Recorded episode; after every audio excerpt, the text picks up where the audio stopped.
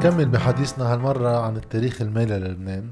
عندك كتاب معطوني عنقة عن تاريخ النقد اللبناني من 1919 ل 1964 بس فعليا باللي عندك إياهم حتى كنا هلأ رح نحط بعضهم. عندك أمور بترجع لأيام السلطنة بشكل العمله وتطورها آه، إصدارات سندات الخزينة وتطورها.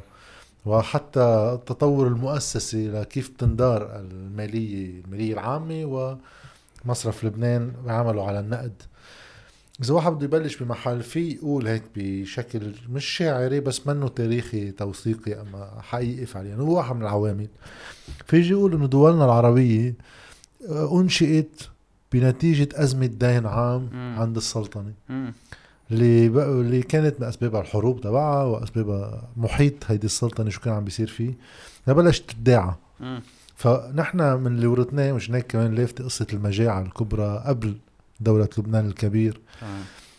واقع ما بحب الإسقاطات التاريخية منه مثل اليوم بس هيك في بعض التقاطعات. تنبلش من الدين العام. نحن تجربتنا آخر أيام السلطنة وتحديدا مأسسة الواقع ما قبل اللبناني اللي أدى للبنان من المتصرفية وجه اجى على أزمات عند الدولة المركزية بلشت تخلق تفسخات بكذا محل مش بيناتهم لبنان.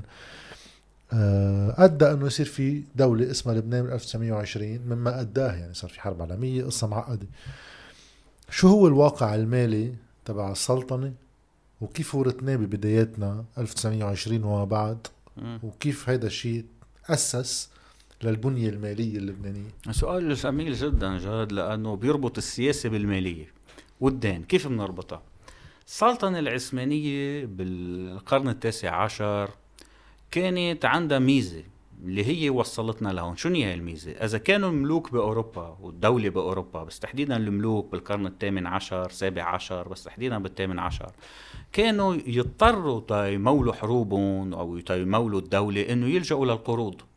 انجبروا يرجعوا لقروض لمؤسسات غنية بنوك ولا رجال أعمال غنية. اضطروا يقترضوا منهم هدول المصاري واضطروا كمان إلى مأسسة الدين العام.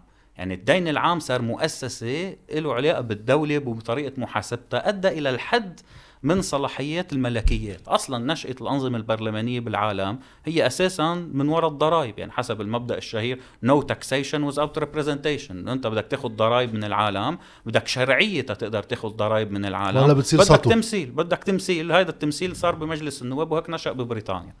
بس السلطنة العثمانية السلطة المركزية ما كانت بالقرن التاسع عشر حتى لأنه كانت بعدها عندها بتحتكر العنف الشرعي المنظم وقتها. ما كانت عندها حاجة إنها تقترض من هول الشخصيات المهمة أو من شيء اسمه بنوكي كان بعد ما في بنوكي كانوا يعيطوا لهم صراف بعد ما كان عندنا كلمة بنك. فكانت السلطنة العثمانية تدير ماليتها بلا القروض أساسا كيف كانت تديرها؟ يا بزيادة الضرائب يا بال debasement. ال dévaluation يعني نحن بنعمل عملة العملة معدنية كانت مش عملة ورقية. يكون يكون فيها 70 80% عيار فضه بنعمله 30% و20% قدرت تعمل خصوصا بأيام السلطان محمود الثاني يعني بالأول القرن التاسع عشر عملت شي 20 debasement لعملتها بالآخر وصلت لمرحلة النقد العثماني المعدني كان فيه 10% أو 15% فضه. فكانت هي تمول حالها يا بفرض ضرائب جديدة يا بال debasement يا بال tax farming يعني انه أنا ببيع التزامات. يعني أنا بعطيك حصل الضريبة بهالمنطقة أعطيني هذا المبلغ وروح اعمل اللي بدك إياه.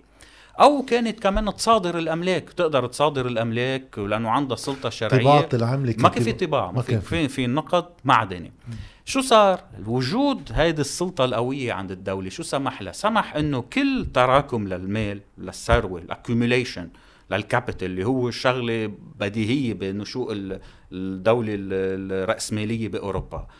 بدل ما تراكم رأس المال يروح بالسلطنة العثمانية لا انت لا لأمور اقتصادية بحتة يعني اقتص... يعني زراعة صناعة تجارة صار هدفه يروح أكثر شيء لتمويل شخصيات نافذة بالدولة. الهدف المال الرأس المال صار يروح فقط بإيد السلطة السياسية السلطان أو وزراء متنفذين اللي كانوا يقترضوا أموال بصفتهم الشخصية من قبل صرافين وأشخاص ويستخدموها لقصص سياسية فقط. هذا الأمر أدى إلى أدى إلى شو؟ إنه في كثير من هدول الصرافين صار مصيرهم السياسي قسم منهم كان غير مسلم. يعني كانوا يونانيين وهيك فما كان عندهم طموح سياسي. كانوا يعطوا هالمصاري لشخصيات مهمة بالسلطنه العثمانيه وهو الشخصيات كان مصيرها دائما على مثل ما بيقولوا على كف عفريت. أول ما يصير في أي مشكلة مع السلطان يصادر لهم أموالهم ويقدر حتى في ياما من هؤلاء الصرافين اللي كانوا مرتبطين سياسيا مع هؤلاء المتنفذين بالسلطنه العثمانيه ان تم إعدامهم. فبهيدي من النظريات بتفسر ليش ما نشأ بالسلطنة العثمانية آه، رأسمالية مثل بالغرب. أول شيء عندك رأس مال الاكيوميليشن تبعه كان عم بيروح فقط للحقل السياسي ما في أي استثمارات اقتصادية فعليا. هذا بخفف إنتاجية الدولة فبفاقم الأزمة. الدولة وثانيا اعتباطيه السلطان بحال وقت كان يصادر أملاك حلا واحد بيغضب عليه بيصادر له أملاكه وحتى بيتم إعدام الصراف. فنشأت المالية شو صار؟ مالية الدولة اللي كانت قائمة هيك بطلت تقدر تمشي بمنتصف القرن التاسع عشر بطل تقدر السلطنة العثمانية تشتغل وفقا لهي الآليات. أول مشكلة واجهتها السلطنة العثمانية بال 1839 آه، حروب مع محمد علي أزمات بالبلقان. اضطرت السلطنة العثمانية أنه تطبع مصاري. قبل العملة شفنا debasement يعملوا coins ويعملوا يصادروا أملاك ويعملوا هيك. شو صارت؟ طبعت عملة السلطنة العثمانية بال 1839 أول شيء كانت وراء مكتوبة بالإيد أنه أنا الدولة أه بدك مني هذا المبلغ. روح أنا أخذ هاي الورقة أخذها عند صراف أعطيه إياها يحسم منها مبلغ ويعطيني مبلغ معين. هيدي هي كانت بلشت هيك. هي العملة الورقية أصلا بحد ذاتها هي هيدي. العملة العملة بتعرف حدك في نظرية العملة هي عندها valeur intrinsèque عندها قيمة ذاتية. من قبل العملة كانت فضة وذهب. قيمة العملة هي الذهب. بقيمتها. شكلها هو بس الدولة أو السلطة عم بتقول إنه بهيدا الشكل في 10 جرامات ذهب. الدولة مش هي اللي بتخلق القيمة. الدولة بس بتقول إنه هون بهذا الشكل في 10 جرامات ذهب. فالعملة هي عملة عندها قيمة بذاتيتها. منا عملة خارجية بين بينما قيمة خارجية. الورق شو؟ الورق ما عنده أي قيمة شوي ورقة. صار في قيمة إبرائية. القيمة لا مش حتى قيمة إبرائية. القيمة الإبرائية إنه شو العالم بيتداولوه. صار شو بنسميها بالفرنساوي؟ بنسميها موني فيدوسيير. فيدوسيير من اللاتيني فيدس. شو معناتها؟ ثقة. العمله تنشأ من الثقة إنه أنا بقبل هاي الورقة لأنه بوثق بالجهة اللي أصدرتها اللي هي الدولة مثلا. ما أنا هيدا قصدي بالقوة الإبرائية أنا إيه. إذا بدي أتداول بهيدي الورقة اللي ما لها قيمة بقدر أرجع أشتري فيها شيء بالقيمة اللي بس ما العمله الذهب كمان عندها قوة إبرائية فيها آه. يكون. بس قوتها ذاتية. إيه بس إنه بتختلف فيها من إيه. دولة لدوله في التفاصيل. فاصلا هيك يعني البنوك نشأت هيك إنه أنت كنت تروح على بنك يعني بأمستردام بفرنسا بس أكثر شيء بإيطاليا وأمستردام وبريطانيا تروح على بنك تعطيه أنت مثلا كيس فيه عملة معدنية حجر عملة معدنية. يعطيك مقابلها وصل. فأنت هذا الكيس اللي فيه عملة بترجع بعد سنة مثلا تعطيه الوصل يرجع لك إياه هو ذاته. بعدين اكتشف البنك إنه أنا طب ليش أنا برجع له إياه هو ذاته؟ رجع له نفس القيمة بس غير عملة. إنه هاي العملة اللي حاططها عندي أنا فيني أستخدمها باستثمارات فيني دينها. ومن خلال التجربة عرفت البنوك إنه ما حدا مش كل العالم حيجوا بنفس الوقت يطلبوا مصرياتهم. عرفوا إنه قليل بيجوا العالم بيطالبوا بمصرياتهم. فأنا فيني أترك 30% من مصريات العالم ودائع والباقي أستثمر فيه. فالورقة اللي أنا عم بعطيك إياها المحل العمله اللي حاططها فيني أروح أنا صرت أستخدمها كمصاري. بعطيها لحدا تاني بعطيها لحدا تالت بيرجع هو بيروح على هذا البنك وبيسترجع مقابلها العملة اللي محطوطة موجودة فيها. اللي هلا بيع الشيكات يعني إيه بس منه تشيك لأنه في نقاش آه في نقاش يعني الفرق بين التشيك والعملة النقدية.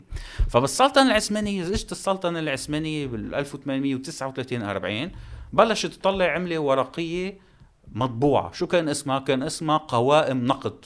قوائم النقد المعتبر. هذا اسمها الرسمي مشان هيك؟ حتى بتركيا اليوم تيقولوا كلمة مصاري شو بيقولوا؟ قوائم قائمة.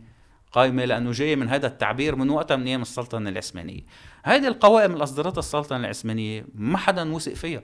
يعني السلطنة كانت بلشت تفلس في حروب. كانت تصدر لك هي عملة مثلا إنه هيدي 100 قرش. بس قوتها الإبرائية الفعلية دغري بعد كم شهر تتدنى. وصلت بعدين إنه ورقة ال 100 قرش قوائم النقد تصير تعمل 25 قرش. قوتها كصرف. ما حدا كان يوثق فيها لأنه العالم فقط بتوثق بالعملة المعدنية. ذهب أو فضة. فالسلطنه العثمانية اضطرارا لما أصدرت ملايين منهم لهو العملات القوائم النقد وجدت إنه في حاجة تيكون عندها سلطة مركزية. بتحافظ على سعر الصرف وبتقدر تتولى سحب هاو قوائم النقد اللي هي اللي عم تصدرها بشكل إنه ما يضر بمصالحها. مشان هيك أول تأسيس لبنك فعلي بالسلطنه العثمانية كان اسمه بنك القسطنطينية Banque de Constantinople. هدفه الأساسي كان يأمن ثبات سعر صرف الليرة العثمانية تجاه الليرات الأجنبية تحديدا ال pound الإنجليزي أنه يعمل كل ليرة ذهب تقريبا عثمانية تعمل 110 كل ليرة ذهب إنجليزية تعمل 110 عثماني. هذا كان هدفه الأساسي. وما قدر كتير ينجح فيه لأنه كان دايما في عجز بالميزان التجاري بين السلطنة العثمانية والدول الأوروبية. يعني السلطنة العثمانية بلشت تستورد أكثر ما إنه تصدر. فدائما كان في عندك ديفيسيت بالسعر الصرف. وكانت الدولة العثمانية هي تتدخل وتعطي مصاري لهذا البنك اللي اسمه بنك القسطنطينية تتسدر له عجزه. فالسلطنة العثمانية اضطرت بكذا فترة تستر هاو اللي اسمه قوائم نقد. بيناتهم مرة بال 1875 76 أصدرت دفعة تانية مهولة من أعداد قوائم النقد. مثلا عندك قائمة نقد ب 100 قرش قيمتها الفعلية 20 قرش 25 قرش 10 قروش أيام تنزل قيمتها التداولية الفعلية بالنقد المعدني. وحتى السلطنة الدولة شو أعلنت؟ أعلنت الدولة إنه أنا صحيح أصدرت هاي الأوراق بس ما فيكم تدفعوا لي فيها. حيلا دفع مع الدولة لازم يكون 20% وراء و80% معدن. فأدى انه انضربت قيمة الأوراق المع... النقدية اللي هي القوائم بشكل كامل. بالآخر السلطنة العثمانية حتى اضطرت تشوف عامل السقا قديش مهم. أزمة كبيرة يعني ما فينا نفوت بتفاصيلها. اضطرت تنظم حرق علني. صارت تجمع قوائم النقد وتحرقهم علنيا قدام العالم تيشوفوا أنه عم بيتم تخفيف من العملة الورقية اللي هي فقدت قيمتها. أو في منهم تبرعوا فيها للسلطان إنه نحن مع الدولة والسلطان يجمعوا يشترون هن ويعطون للسلطان ويتم حرقهم. فتم تنظيم حرق للعملة. فبتشوف إنه مأسسة الدين العام كيف بدنا ندير دين الدولة هو اللي بيؤدي إلى نشوء أول بنك بنك القسطنطينية. وتاني أمر اللي هو أهم صار هو تأسيس البنك السلطاني العثماني. بنك السلطان العثماني اللي هو المؤسسة الرسمية اللي منحتها السلطنة العثمانية صلاحية إصدار النقد الورقي. شفت؟ النقد الورقي مش المعدني. المعدني ما له حق. البنك يصدر أي قطعة نقدية معدنية. ليش؟ لأنه العملة المعدنية عملة. هي العادة. العملة الورقية اللي بيصدرها البنك السلطان العثماني هو تأسس ب 1856 هو بنك أجنبي رأس ماله فرنساوي وإنجليزي. والسلطنه العثمانيه كان بدها يكون في الفرنساوي والإنجليزي بنفس الوقت يعارضوا بعضهم. يعني تا لو كان شيء كتير غريب. دولة مركزية وبنكها المركزي دولة عثمانية وبنكها المركزي بإيد مستثمرين أجانب.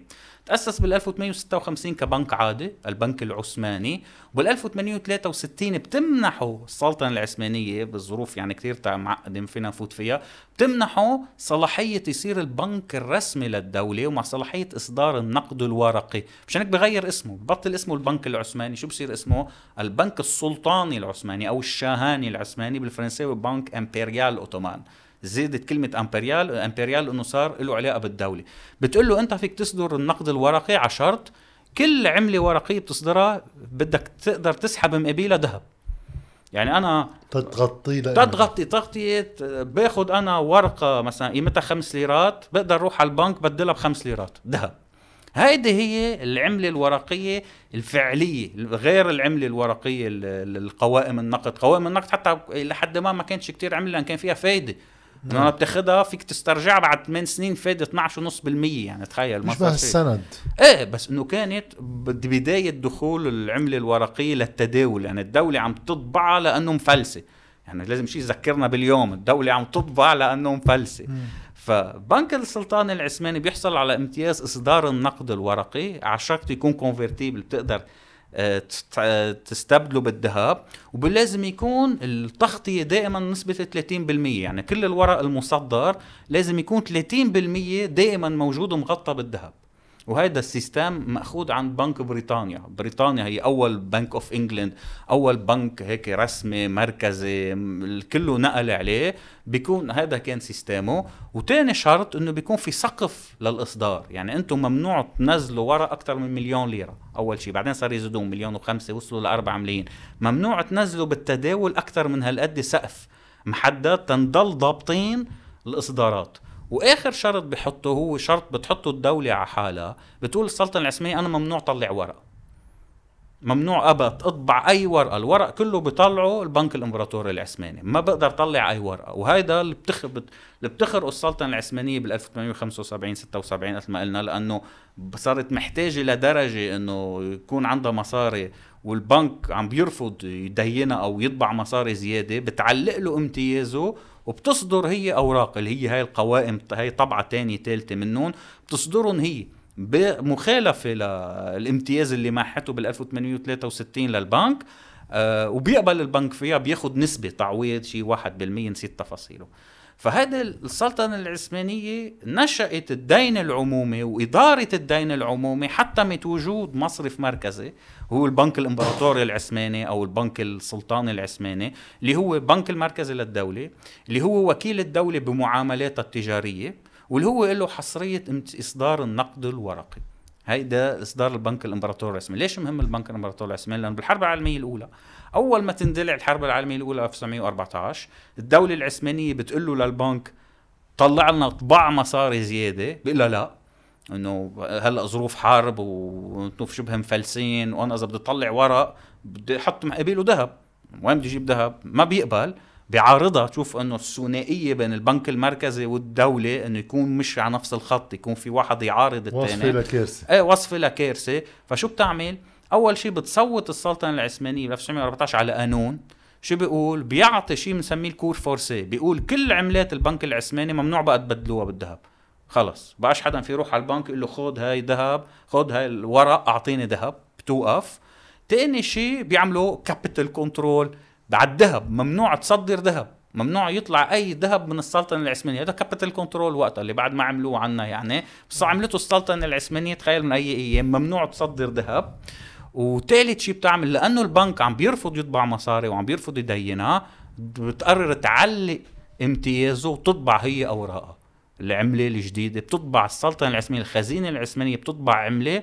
وكيف بتغطيها بدها تغطيها. طيب أول شيء أول شيء بتغطيها بتجيب قرض من ألمانيا. مع ألمانيا حليفتها. بتجيب قرض من ألمانيا. وبالذهب وبينحط القرض ببنوك ألمانيا بحساب إدارة الديون العمومية العثمانية. مش عفوت بالتفاصيل إنه هذا هو التغطية القانونية للعملة العثمانية. فال 1914 بتصدر العملة العثمانية هي الدولة العثمانية بتصدر أوراق عملة أصدرتها الخزينة. فانتبه صار عندك نوعين ورق. عندك ورق الأصدر البنك الإمبراطوري العثماني اللي هو مغطى بالذهب وهلأ تم تعليقه وبس بعده عم بيتم تداوله. وعندك ورق أصدرتها السلطنة العثمانية بقرض من آه، ألمانيا. هيدي العملة اللي بتنتشر بالمنطقة هون واللي بينزل كتير قيمتها خصوصا الإصدارات الثانية بتبطل مغطية بقرض ألماني بصير مغطية بسندات خزينة ألمانية. فالليرة العثمانية اللي هي ب 100 قرش لازم أنت تبدلها ب 100 قرش يعني أنا بعطيك ليرة ورق بتعطيني ليرة ذهب. ليرة لأن الليره ذهب هي 100 قرش والليرة ورق هي 100 قرش فبعطيك ليرة ورق بتعطيني ليرة ذهب. بتهبط بتصير 20 قرش. بتضل تهبط تهبط بتوصل هلأ حسب المناطق بس بتوصل لعنا أيام لمرحلة بتصير 5 قروش. شوف الكارثة. ف هلا شو عم بيصير بلبنان؟ هلا بين الدولار والليرة اللبنانية هو اللي كان عم بيصير قبل بين الليرة الورا العثمانية والليرة المعدنية العثمانية.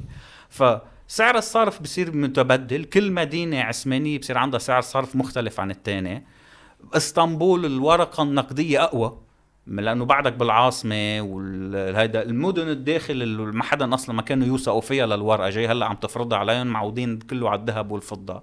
وشو بيعمل قد هذا الأمر؟ أول شيء بصير في مضاربات اللي واحد إذا شاري ذهب من إسطنبول أول ما تترك إسطنبول وتنزل على سوريا بتبيعه إذا اشتريته مثلا ب 150 قرش ورق هون بتبيعه ب 400 فومين بيقدر يعمل هالرحلات؟ عادة كان الجيش يا الألماني المعسكر هون يا التركي.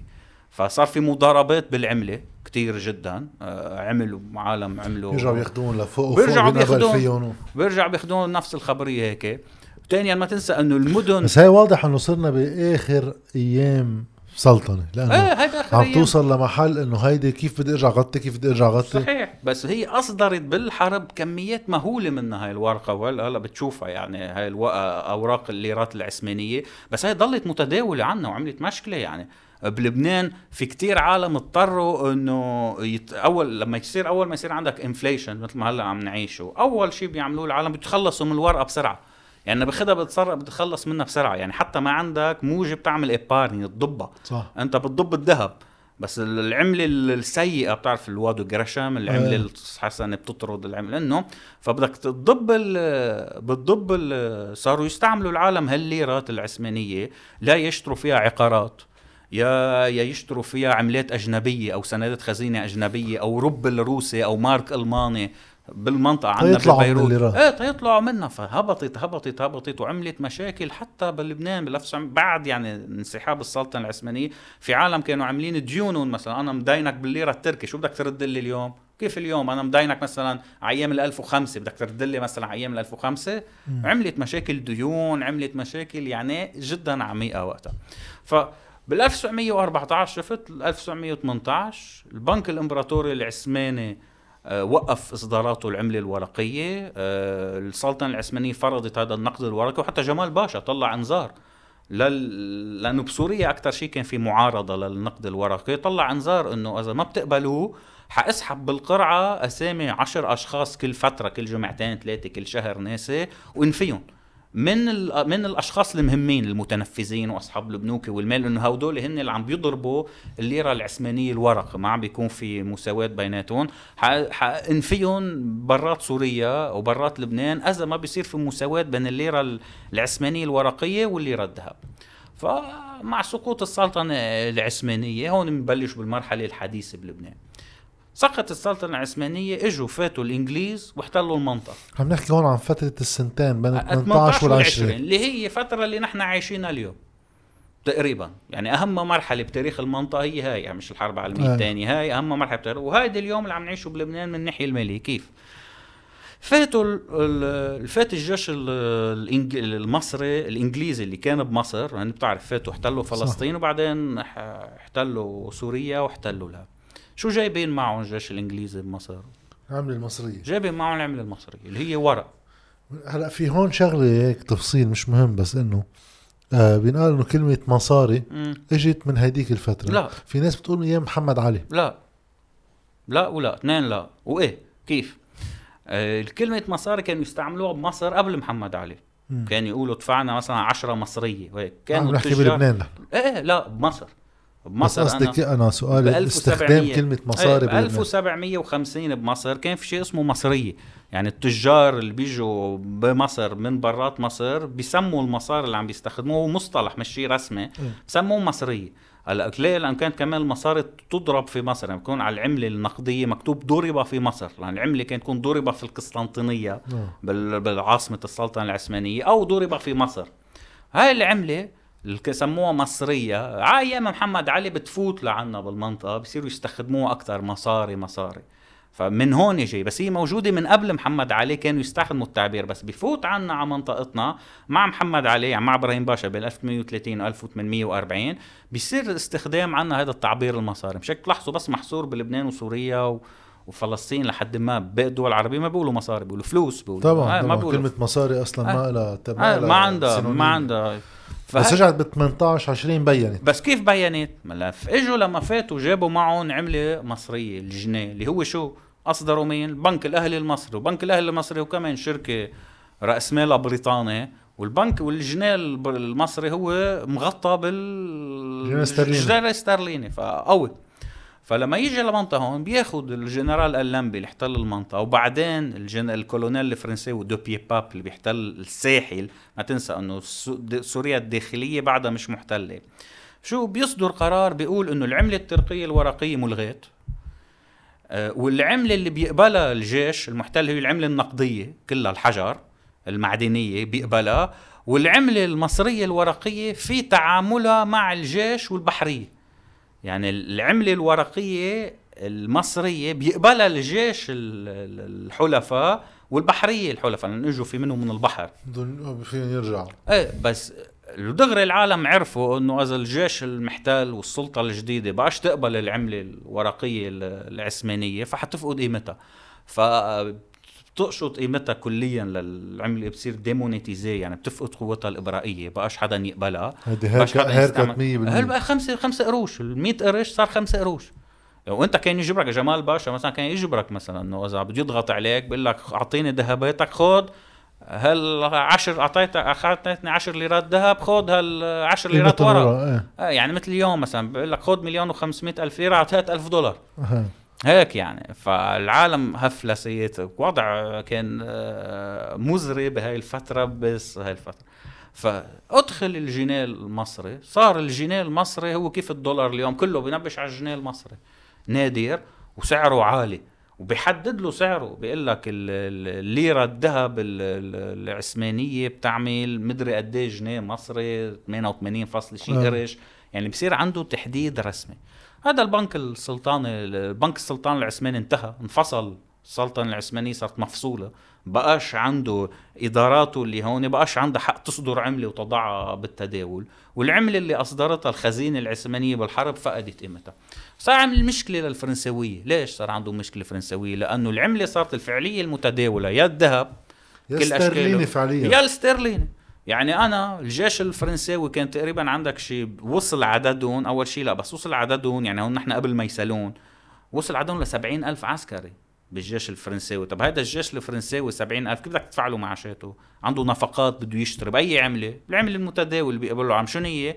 الجنيه المصري اللي هو فعليا استرليني. استرليني يعني صارت فرنسا بدها تشتري جنيه مصري أو جنيه استرليني وتصرفوا على منطقتها هون فأدى إلى نزف قوي بالخزينه المصريه الفرنسويه. يعني الفرنساويين جايين إنه احتلوا منطقة جايين يصرفوا عليها كمان فوقها إيه. إنه بهالمبالغ الضخمة ويطلبوا عملة بريطانية ويطلبوا عملة. بريطانية بيطلبوا عملة بريطانية يعني فوقتها كان في نزاعات يعني صار بين فرنسا وبريطانيا وإنه أنتم قصدا عم تعملوا هيك تستنزفونا في نقاشات يعني مش عارف فوت فيها فبيجي شو الحل تبع الفرنساوية وقتها كان؟ قال يا عمي بدنا تنحلها بدنا نخلقوا عملة جديدة.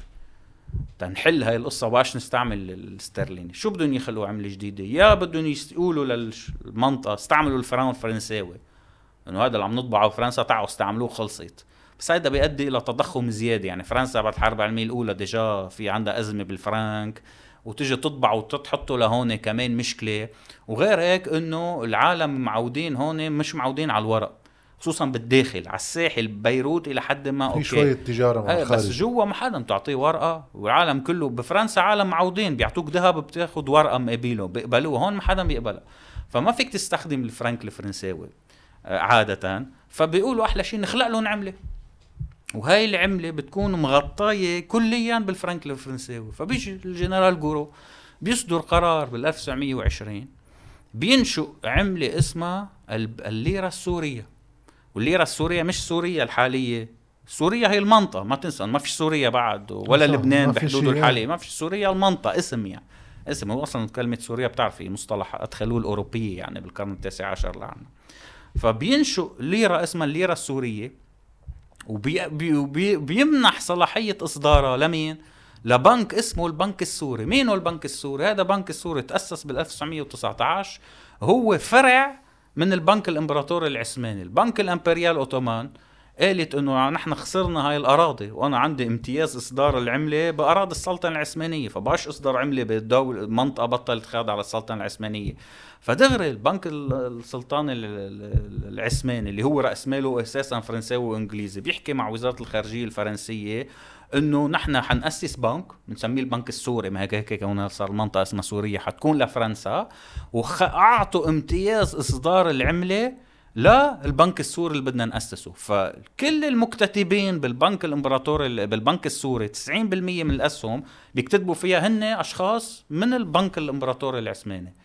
كله. صار في انتقال. انتقال. حتى الأبنية تبعوه للبنك الإمبراطوري العثماني بنياته اللي كان يدير هون كان في بسوريا عنده مبنى ببيروت كان عنده مبنى طائر أكيد هدوه وراح مبنى جميل جدا كان على المرفأ يعني بشارع اسمه شارع الجمارك على المرفأ قبل ما تيجي سوليدار وتعملنا زيتونة باي وهاو.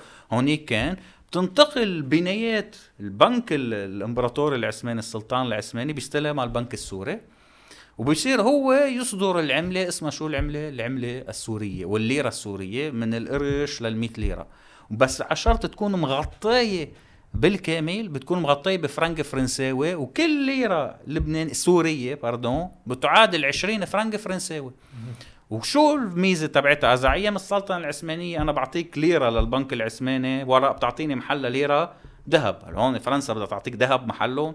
شو بتعمل؟ بتقول لك إذا بتجي أنت بدك تبدل ليراتك السورية بفرنك فرنساوي فيك بس بفرنسا بعشك بفرنسا. يعني أنا بجي لهون بروح عند البنك السوري بعطيه 10 ليرات بيعطيني تشيك بمقابلهم بالفران يعني كل ليرة 20 فرنك يسحبوا بفرنسا. بتسحبوا بفرنسا. بتسحبوا فرنسا. هلا بفرنسا الفرنك الفرنساوي بفترة حيكون منفصل عن الذهب بفترة حيصير مغطى ذهب حيصير في أزمة. فأنت عمليا التغطية صارت للليرة اللبنانية الليره السورية بالفرنك والفرنك مثبت على الذهب إنه في تفاصيل مش عارف فوت فيها. فأنت صرت تقريبا صار عندك تغطية إلى حد ما ذهبية بشكل غير مباشر. فأنت أصدرت أنشأت البنك سميته البنك السوري منحته صلاحية امتياز إصدار النقد اللي هو تكمله للبنك الإمبراطوري العثماني.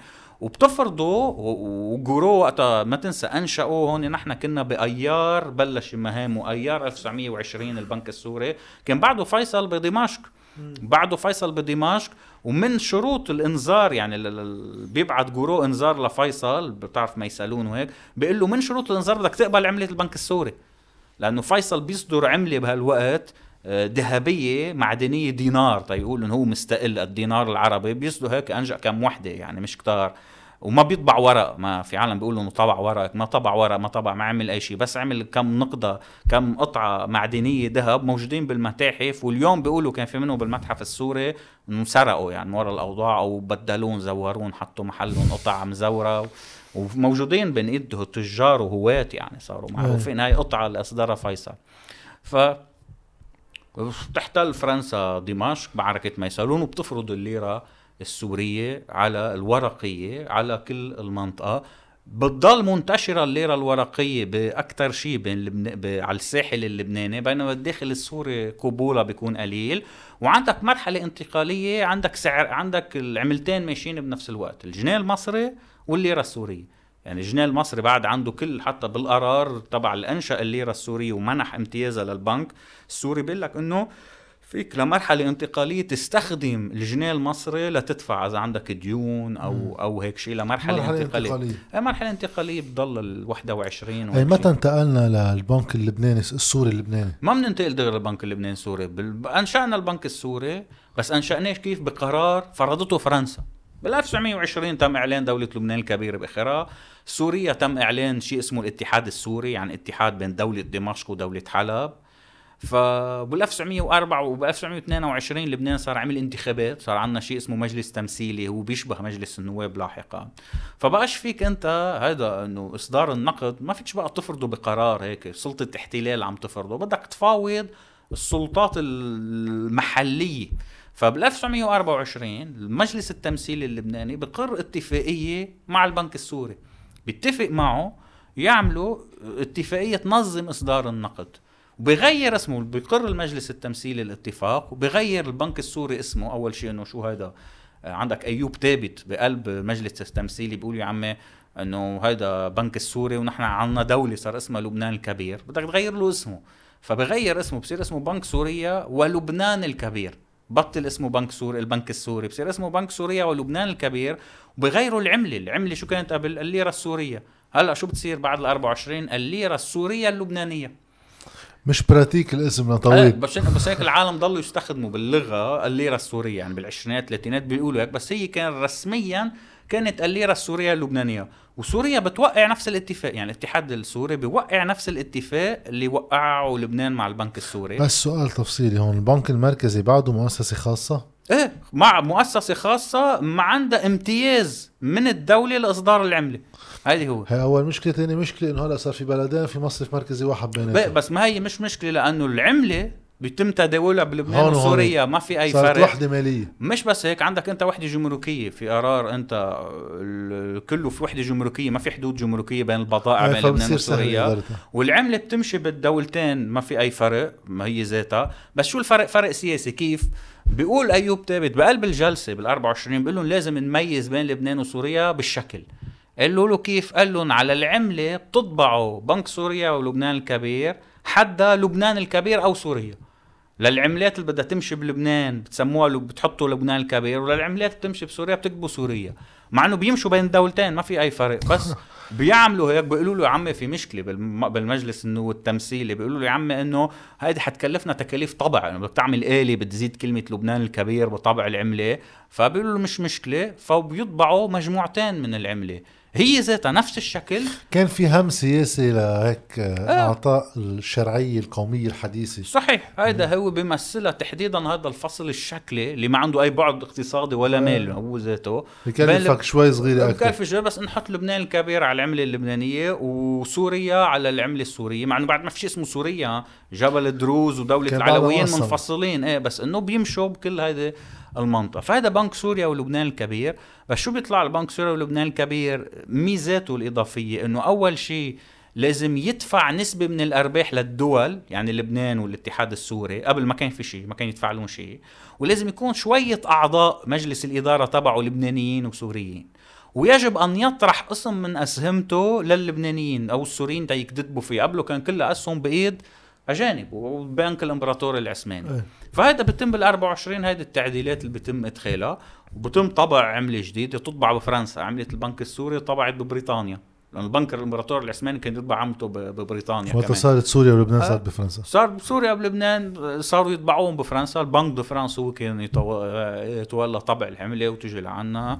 ونستخدمها. هيدا ضل الاتفاق تبع 1924 خدم 15 سنة. هو بيقول إنه بضل 15 سنة حيز التنفيذ. قبل نهايته ب 15 سنة من 24 على 39 بال 37 لبنان ببلش مفاوضات تيجدد ال- الاتفاقية مع بنك سوريا ولبنان الكبير. وسوريا بتبلش مفاوضات تتجدد الاتفاق مع بنك سوريا ولبنان الكبير. لبنان بتوصل لاتفاق سوريا ما بتتوصل لاتفاق مع بنك سوريا ولبنان الكبير. مشان هيك أول ما يمضي لبنان اتفاق جديد بال 37 بأيار ال 37 بيقروا مجلس النواب وعندك المحاضر والاتفاق موجود البنك بغير اسمه بدل بنك سوريا ولبنان الكبير بصير اسمه بنك سوريا ولبنان. لبنان الكبير بقاش له طعمه لأنه بال 26 لبنان صار جمهورية. آه. بطل اسمه لبنان الكبير. لبنان الكبير كان الاسم الرسمي للبنان. بين ال 20 و 26 فبال 26 لبنان صار جمهورية. بقاش له طعم تقول لبنان الكبير. بصير اسمه بنك سوريا ولبنان. بس لأنه لبنان مضى اتفاقية وسوريا ما مضت اتفاقية ففعليا صار في انفصال بين النقد اللبناني والنقد السوري. الانفصال الفعلي الأول القانوني بصير وقتها. باتفاقية 37 بطل في شيء اسمه ليرة لبنانيه سوريا. بتولد بالاتفاق ال 37 الليرة اللبنانية. هي أول مرة بصير شيء عندك شيء اسمه الليرة اللبنانية رسميا بال 37 على أن تدخل حيز التنفيذ بال 39 مع نهاية الامتياز. عرفت كيف؟ لأنه سوريا ما مضت. لأنه سوريا ما مضت المفوض السامي الفرنسي بيتدخل بال 39 بياخذ قرار بيفرض تجديد الاتفاقية مع بنك سوريا ولبنان بسوريا. عرفت كيف؟ فبيفرضها فرض بقرار بياخده. بس انت صار عندك عملتين ليرة لبنانية وليرة سورية. صارت بالسوق بال 39 س- إيه صارت بالسوق. بس شو بس ما كان كمان في فرق. ليش؟ كانت هي ليرة سورية هاي ليرة سورية وهي ليرة لبنانية. وكان عندهم نفس الشكل بس الليرة السورية مكتوب فوق سوريا وصادرة بدمشق والليرة اللبنانية فوق لبنان وصادرة ببيروت. بس مع انه كان في فصل قانوني بيناتهم بس ليش ما كان فعلي؟ لأنه كان نفس سعر الصرف. قيمتهم نفس الشيء. بيضت 20 فرنك والبنك هو ذاته عم بيصدرها هون وهون وبتقدر تتداولهم بال... بال... بالدولتين لأنه عندك نفس القوة الإبرائية تبعيتهم.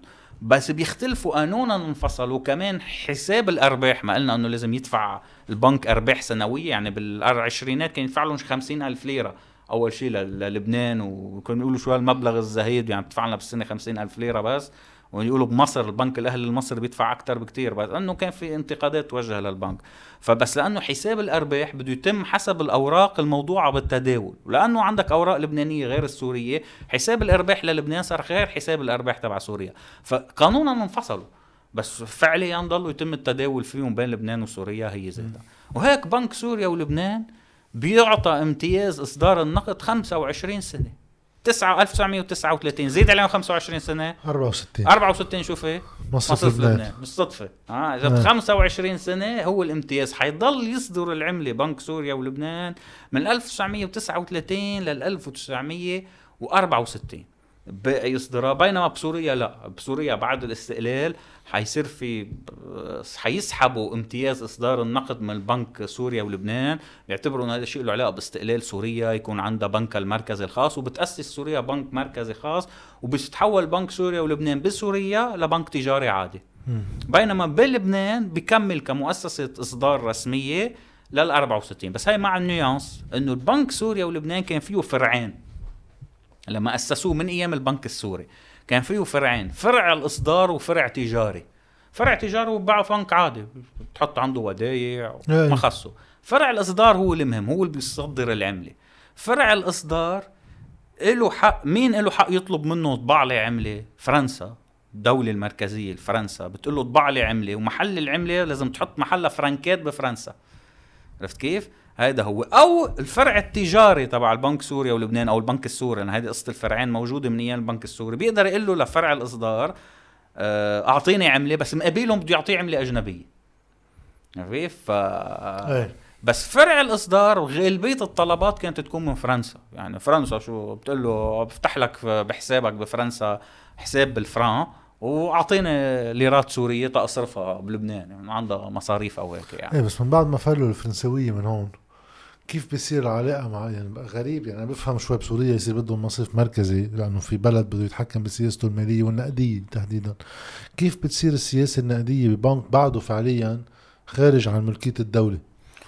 ما يعني ما طرحت طرحت مشكلة هيدي. هلا بيقولوا لبنان اتبع خيار اقتصادي حر بينما سوريا اتبعت سياسة موجهة. ولبنان كان قائم على حرية تبادل السلع والتصدير والاستيراد بين سوريا كان بدها تدابير حمائية أكثر. بس المشكلة صارت لما صار في القطيعة الاقتصادية بين لبنان وسوريا. هون المشكلة اللي اختلفت فعليا. مش بنك سوريا ولبنان ما تم في اعتراضات عليه يعني كبيرة بفترة الأربعينات لعمله لبنك سوريا ولبنان. بال 48 بال 48 فرنسا بالأربعينات يعني كل فترة بال 44 وال 46 اضطرت بعد الحرب العالمية يعني خلال الحرب العالمية الثانية وبعد الحرب العالمية الثانية اضطرت إنه تخفض سعر الفرنك تعمل له ديفالويشن الدولة عندها مصاعب إيه. ف طب أنت عندك فرنكات لبنك سوريا ولبنان عنده فرنكات. بفرنسا طب أنت إذا خفضت سعر الفرنك شو بيصير بالليرة هون بدها تنخفض شو عملوا اللبنانية وقتها وفرنسا وافقت إنه تضمن الليرة اللبنانية. كيف؟ إذا أنت خفضت الفرنك ما بينخفض سعر الليرة اللبنانية. يعني إذا الليرة كانت تعمل 20 فرنك أنت خفضت سعر الفرنك بتزيد قيمة الليرة على نسبة التخفيض. يعني إذا الليرة 20 تاخذ 100 فرنك. إيه بتصير تاخذ أول شيء صارت الليرة تعمل 20 بعدين الليرة تعمل 22 فرنك بعدين وصلت تعمل 50 كل ما تخفض فرنسا قيمة فرنكاتها تنجبر ترفع قيمة ال... بتدفع لتبعت لل... بفرنسا أو تبعت لبنك سوريا ولبنان فرنكات زيادة. تضل الليرة اللبنانية محافظة على تخطيطها كاملة. بال 47 48 بترفض فرنسا تكمل هالقصة. بتقول لهم وهيدا لمين؟ بيمت... بيمت... بي... الضمان هي للبنان وسوريا. يعني سوريا كمان كانت تستفيد من هالضمانة. فبال 47 بذكر 8 46 47 بتعلن فرنسا إنه أنا باش بدي أضمن. شو خبريه عم نفلس نحن شو عم ندفع لكم بلاوي؟ يعني هو شفت إنه فرنسا هي اللي عم تدفع صارت للبنان. فبتقول أنا بقاش حأضمن العملة اللبنانية أو السورية. بصير في مفاوضات مع فرنسا. بيسافر حميد فرنجية وخالد العظم وفد سوري وفد لبناني تيفاوضوا شو بدنا نعمل؟ شو التغطية للعملة؟ أزمة كبيرة. يعني هي من أهم الحقبات من تاريخ لبنان. بين علاقة بين لبنان وسوريا هاي الفترة اللي هي مش كتير مدروسة يعني. لبنان بيتوصل إنه يوقع اتفاق مع فرنسا. فرنسا بتقبل إنه تضمن له قسم من الفرنجات تبعوله بكون يعني فرنسا كان عندها دين تجاه لبنان بحدود ما بعرف يعني فوق العشرة مليار فرنك. بدين لفرنسا اتجاه لبنان بسبب الفرنكات الموجودة برا نعم. اللي هي كانت تستخدها تصرف مقابلها يعني. فلبنان بيتوصل لاتفاق مع فرنسا بينما سوريا ما بتتوصل لاتفاق. لبنان أول ما يمضي اتفاق مع فرنسا صار تخطيط النقد اللبناني تختلف كليا عن تخطيط الليرة السورية. قبله كانت اثنيناتهم 20 فرنك أو. إذا نزل سعر الفرنك قيمة تبعهم تبدلت بدلت صار تغطية مختلفة. شو صار؟ دغري أول ما مضى هلأ صار في مشاكل بين لبنان وسوريا ب 48 مثلا خالد العظم قال لبنان بهالاتفاق قبل بالانتداب الاقتصادي وانه أعطى شروط سقافية لفرنسا وكان حكي مش مزبوط يعني. بس إنه كان في وقتها بلش في انتقاد قوي بين سوريا وبين لبنان آه، حول هيدي النقطة يعني. فأول ما مضى لبنان الاتفاق نطر فترة تا فرنسا إذا سوريا بتمضي الاتفاق ما كانت تمضي مع إنه بعد سنة حترجع تمضي وتقريبا هو ذاته. بس بهالفترة دغري بكر لبنان ال- القانون آه، اللي بيوافق على ال على ال على الاتفاق مع فرنسا. شو بصير ما أنت عندك ليرات سورية عم تمشي بلبنان. بلاوي عندك ليرات سورية ما طول عمره ما في فرق بس إنه. كلمة سوريا فوق. شو بدك تعمل فيهم؟ ما انت صار عندك تغطيه مختلفة وعملات مختلفة. المفروض تختلف قيمتهم بالنسبة مش بس. بتختلف قيمتهم انت صرت فيك تستخدم الليرات السورية اللي هي قيمتها مش مغطايه بقى ما في اتفاق مع فرنسا وعم بتقل قيمتها. فيك تستخدمها تشتري ذهب تشتري بضايع من لبنان يعني هاي عملة قشطه فيها تضرب الاقتصاد اللبناني. فشو بتعمل الحكومة اللبنانية؟ بتاخذ قرار ب 48 بتقول لهم للبنانيين عندكم نهار بعدين بتمددوا نهار نهارين كل شيء حامل عملة عليها من فوق سوريا. بتجي على البنك تبدله بتاخذ مقابله عمله لبنانية. بثلاث أيام كل هالعالم بتركض على البنوك بس ليش مش في ناس حتى من سوريا بيجوا ببدلوا بيجي بس ما شو صار؟ ما هي كلف ال... كلفت الحكومة اللبنانية تلم الليرات اللبنانية اللي بسوريا. ما هو عنده فرع بدمشق. فبيلم البنك سوريا ولبنان من لبنان 54 مليون ليرة سورية اللي هي تقريبا كانت نص موازنة لبنان ولا أكثر وبيلم من سوريا 10 ملايين ليرة لبنانية. بيعملوا مقاصة بيناتهم بتضل الدولة اللبنانية حاملة 44 مليون ليرة سورية. وهيدي بتصير مشكلة بين لبنان وسوريا. شو بدي أعمل فيهم ال 44 مليون ليرة سورية؟ عم تقول لهم لسوريا خدوهم وأعطوني محلهم لبناني أو أعطوني محلهم عملات أجنبية. هيدي حتعمل مشكلة هيدي القصة حتعمل مشكلة ما حتنحل إلا ب 52 ومع خسارة للبنان. بس شو بصير ب 48 مش بس بدلنا العملات وهلا انفصلنا كليا. يعني أنت لما تفصل العملة صار في انفصال جمركي كمان. تنفصل الجمرك سوريا بتعمل القطيعة هي بتقرر القطيعة بالخمسين. بتفرض نقاط جمركية بتمنع السوري يجوا على لبنان.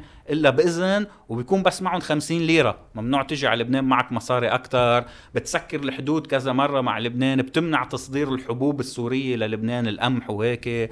المزارعين اللبنانيين كانوا يبعتوا حمضياتهم على سوريا بتسكر لهم الحدود. صار في أزمة سياسية أزمة بهذا. سياسية وعندها أبعاد. بعدين بصير طائفية. يحكي عنها بشار الخوري إنه هل المسلمين حيدافعوا عن سوريا والمسيحيين حيوقفوا ضدها. ترجع هذا الانقسام.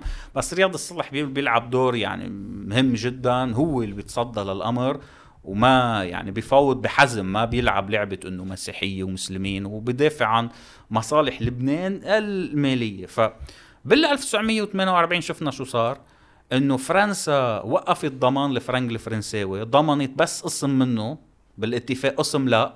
وبلبنان لما بدل لبنان بين لبنان وسوريا العملة خسر. بهاي والخسارتين إنه فرنسا في عملات ما ضمنتها فرنكات ما ضمنتها وفي عملات بدلناها مع سوريا خسرنا فيها لأنه عم بدلها بسعر رسمي وأنت ما إيش قيمتها. خسر لبنان تقريبا شي 70 80 مليون ليرة بالموازنة. كيف بدك تعوضهم هاو؟ سندات خزينة. أول إصدار لسندات الخزينة كان دين عام. بال 49 هاو دين عام كان لا لهي الخسارة. أصدروا سندات خزينة على مده 30 سنة قيمتهم بتضل 1000 و5000 و10000 ليرة يعني سندات خزينة. آه، مع فاي- فايدة اذا سنة وسنه ونص يعني. ولبنان حيضل يدفع ويسدد هاو ال- السندات الخزينة على 30 سنة بال 75 76 بده يخلصوا تسديدهم يعني. بس إنه شفت إنه تم تغطيه الخساره بإصدار سندات خزينة. آه، بهاي الفترة. وبال 49 بصوت لبنان على قانون النقد اللي هو أول قانون نقد لبناني قبل قانون النقد والتسليف تاع 64 بيقول لك بكل بساطة إنه خلص بقاش في معادلة بين الليرة اللبنانية والفرنك الفرنساوي. لبنان انضم لصندوق النقد الدولي والمعادلة لازم تصير على أساس الذهب. صارت كل لبنانية. وودز. وبريتون وودز كل ليرة لبنانية صارت تعمل 400 0.406 ملي جرام ذهب. شغلة يعني. صار عندك سعر معادل بالذهب والخسارات اللي انت حققتها آه عملتها اصدرت سندات خزينة لتسديدها وهي سندات خزينة ما تداولها بين الجمهور ضلت بإيد المصارف تحديدا بنك سور بنك سوريا ولبنان يعني. بس شو عملت مشكلة تانية؟ تشوف نختم تشوف القصة كلها. إنه أنت لما حددت سعر الذهب بالقانون القانون بحدد لك إنه كل ليرة بتعمل هالقد ملي جرام من الذهب. طب ما هو سعر الذهب بالفعل هذا صار سعر الصرف الرسمي. إحنا بنقول لبنان شو سعر الصرف الرسمي؟ هذا سعر الصرف الرسمي لأنه وقتها كان معادل بالذهب اسمه étalon or أو étalon change or هذا parité ف بيجي أنت عندك سعر الذهب الفعلي بالخمسينات منه سعر ال 406 ملي جرام ذهب. فالدولة اللبنانية صارت تشتري ذهب من السوق المحلي بسعر أعلى من السعر الرسمي. بالصرف الرسمي. هذا خلى صندوق النقد الدولي يعترض إنه أنت ما في يكون عندك سعرين صرف بدولة واحدة وهاليوم عندنا 100 سعر صرف نحن. بس تخيل من وقتها إنه أنت عندك سعر صرف رسمي محدد بالقانون بس الدولة عم تشتري ذهب بسعر أعلى واضطرت تشتري ذهب لكن بدها تضخ أموال آه بلبنان. صارت تشتري صارت تشتري ذهب بسعر أعلى صارت الدولة عم تخسر. شو عملت الدولة وقتها طلع وقت أيام بشار الخوري لما طلع مرسوم قال كل شيء بتخسره كل شيء خسارة فرق بين سعر الصرف الرسمي للذهب واللي نحن عم نشتريه بتتحمله الخزينة. بتغطيه الخزينة يعني. كيف؟ هيدا هو هيدا كان إيه. تدخل يعني. بنك سوريا ولبنان هو كان بتولى إدارة هيدا الأمور يعني. 1900 بضل امتيازه ل 1964 آه وبيخلص امتيازه ب 64 بتم ما بتعرف تأسيس مصرف لبنان اللي هو بيتولى إصدار العمله اليوم آه معدنية ونقدية المصرف سوريا والبنك سوريا ولبنان كان بس عندهم امتياز إصدار صح. العمله الورقيه المعدن تلاقيه النقل العمله الحجر المعدنية اللبنانية قبل 64 تلاقي مكتوب عليها الجمهورية اللبنانية م. مش بنك سوريا ولبنان لأنه كان فقط تصدر الدولة هيدي من مخلفات الحقبة العثمانية إنه العملة هي المصاري مصاري يعني صح. الدولة الورق هذا بنك ما خصنا فيها ده بتبدله بهذا. ف بال 64 بتلاحظ في نيوانس هون كثير مهمة. القانون النقد والتسليف ما بيقول لك سعر الليرة اللبنانية بالذهب. بيقول لك يجب أن يحدد بالذهب آه، لاحقا سيصدر قانون يحدده بالذهب وإلى حين تحديده وزير المالية بيحدد سعر انتقالي للذهب. ليش؟ لأنه من وراء الأزمة تبع شراء الذهب. لأنه أنت بدك تشتري ذهب ما فيك تحدده الذهب سعره عم بيطلع وينزل. مم. فلأنه الدولة كانت محددته بقانون بال 49 وتضطر تشتري ذهب بسعر أغلى وتحقق خسائر وتتعرض لانتقادات صندوق النقد الدولي. بال 64 ما في تحديد بقلب القانون. التحديد بصير وزير المالية بيطلع طلع قرار إنه كل دولار بيعمل 3 ليرات ليرتين ونص 3 ليرات ونص حسب المرحلة يعني بشكل إنه ما يكون في اختلاف كتير بين السعر الرسمي والسعر الواقعي. عشان هيك القانون النقد والتسليف ما فيه سعر آه، واضح بالذهب. محطوط مثل équation كأنه. محطوط مثل اكواسيون بس الحلو بس انتقالي هي ال équation حتى انتقالية. بس الحلو بالموضوع إنه مثلا نرجع على تاريخنا اليوم القريب خلينا نقول ما في قرار طالع بتثبيت سعر الصرف؟ لا ما في. ما هذا صار هيك. ما في سعر. هذا اللي عم نقوله. إنه أنت أول شيء سعر الصرف يحدده بقانون رسميا. يعادل بالذهب وكان وقت يعادل بالذهب لأنه أنت كان بعدك وقتها système تبع بريتون وودز. بعدك أنت شو كان؟ انتهى بال 71 وبطلت مرجعيه ليش بال 71 لأن انت كان فيك تبدل حالة عملة بالدولار والدولار محدد بالذهب. على الذهب. يعني كان هيدا مش دغري. يعني أنت بتحدده دولار ودولار ذهب خلص. لما نيكسون يتخلى عن هذه المعادلة انه بقاش ادفع دولارات محل الذهب لبنان بال 70 71 72 73 في كذا قرار لمجلس الوزراء وقانون بيقول لك إنه الدولة لازم تحدد سعر الليرة اللبنانية بطرق مختلفة. بتطلع تشريعات تحدد كيف تحسب سعر الليرة اللبنانية. كل شهر لازم يطلع سعر صرف حسب سعر السوق الصرف القطع المحلي الأجنبي بين هالنهار وهالنهار بالشهر إنه ناسيهم يعني كل شهر على أن يصدر وهذا آخر تشريع طلع. صح. من وقتها ما في شيء. هذا الدولار 1005 هذا ما في شيء رسمي. يعني أنت ما في عندك رسمي ما في لأنه لأنه إذا عندك هيدي المعادلة رسمية بترجع أنت لكيف كان قبل الليرة العثمانية من أيام البنك العثماني ببدلها بليرات ذهب. أنت لازم إذا تروح على مصرف لبنان تقول له خذ هي 1005 أعطيني دولار. طبعا. ما بيعملها لأنه منه شيء رسمي. تماما. ما انه شيء قانوني ابدا. هو اللي كمان أسعف الدولة بالفترة اللي كانت عم تراكم فيه خسائر باللي كان فرق الذهب على العملة. آه، أسعفنا أول شيء إنه اقتصادنا حر بمنطقة أغلب اقتصاداتها منا حرة. وبلشت التأميمات بعد شوي وصار يجي كمية صحيح. من النقد العالمي لهون يغطيك على فترة صحيح. طويلة. صحيح. يعني لو ظرفنا بوقتها كان مثل ما صار الظرف من 2011 وبالرايح والمنطقة يمكن كنا واجهنا أزمة كتير كبيرة. صحيح.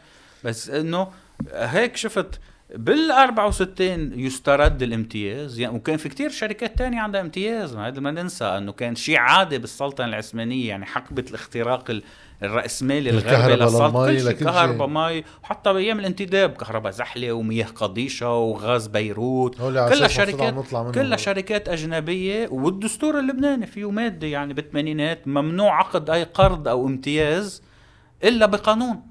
يعني آه. شو الامتياز كان؟ هذا هو امتياز بنك سوريا ولبنان امتيازات كانت تمنح بقانون لأنه هذا عم تعطي مورد من موارد الدولة. صح. آه بدك قانون بدك موافقة ممثلي الشعب يعني. هذا النص ما بتفهمه بالعشرينات إلا على ضوء التجربة العثمانية. تمام. آه ف فهذا سرد سرد سرح شري سريع لل لتطور العملة. بتشوفها على بنك سو... بنك السوري بنك سوريا ولبنان الكبير بنك سوريا ولبنان ومصر في لبنان. عظيم. أنا بدي أشكرك. شكرا آه، جاد. اللقاءين اللي هن لقاء واحد طويل. وإن شاء الله بلقاءات مستقبلية وقتها يكون في عملة مش ضروري تكون جديدة بس على ترجع لأي متى. صحيح. إن شاء الله. شكرا جد شكرا.